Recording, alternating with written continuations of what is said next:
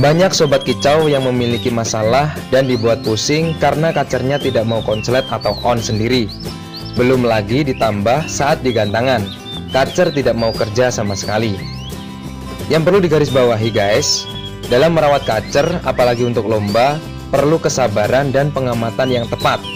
Untuk itu, kita akan bahas bagaimana membuat kacer mau konslet atau on. Yang pertama adalah PDKT. Tugas pertama kita sebagai perawat adalah PDKT guys. Kita harus memahami lebih jauh karakter kacer kita. Butuh proses dan belajar lebih lanjut untuk dapat menemukan hal tersebut. Bisa berbulan-bulan bahkan tahunan. Ingat guys, tidak ada yang namanya rawatan paten. Kitalah sebagai perawat yang mengetahui bagaimana karakter momongan kita. Yang kedua adalah spesifikasi kacer kita Kacer mau on atau konslet adalah kacer yang sehat dalam kondisi prima. Selain itu, faktor usia dan mental juga berpengaruh. Untuk kacer lomba, usahakan cari yang usia mapan guys, sekitar 3 sampai 4 kali mabung. Dan pilihlah kacer yang mentalnya bagus. Kenapa? Semua kacer bisa gacor, tapi tidak semua kacer memiliki mental tarung yang bagus. Yang ketiga adalah rawatan konsisten. Untuk mendapatkan rawatan harian yang tepat, kita harus sesuaikan guys dengan kondisi si kacer dan juga cuaca. Jadi rawatan yang kita lakukan bersifat fleksibel. Kenapa?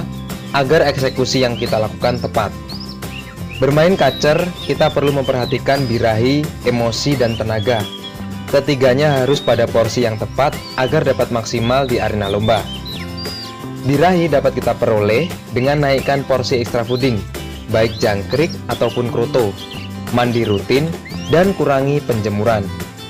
Emosi dapat kita peroleh dengan menaikkan porsi jemur, kurangi mandi, kerodong, dan berikan ulat hongkong. Untuk tenaga, diperoleh dengan jadwal umbar dan istirahat yang cukup. Yang keempat adalah settingan saat lomba.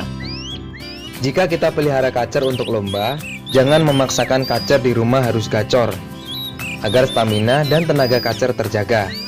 Usahakan guys selama dua minggu kita rawat dulu secara konsisten dan perhatikan perkembangannya.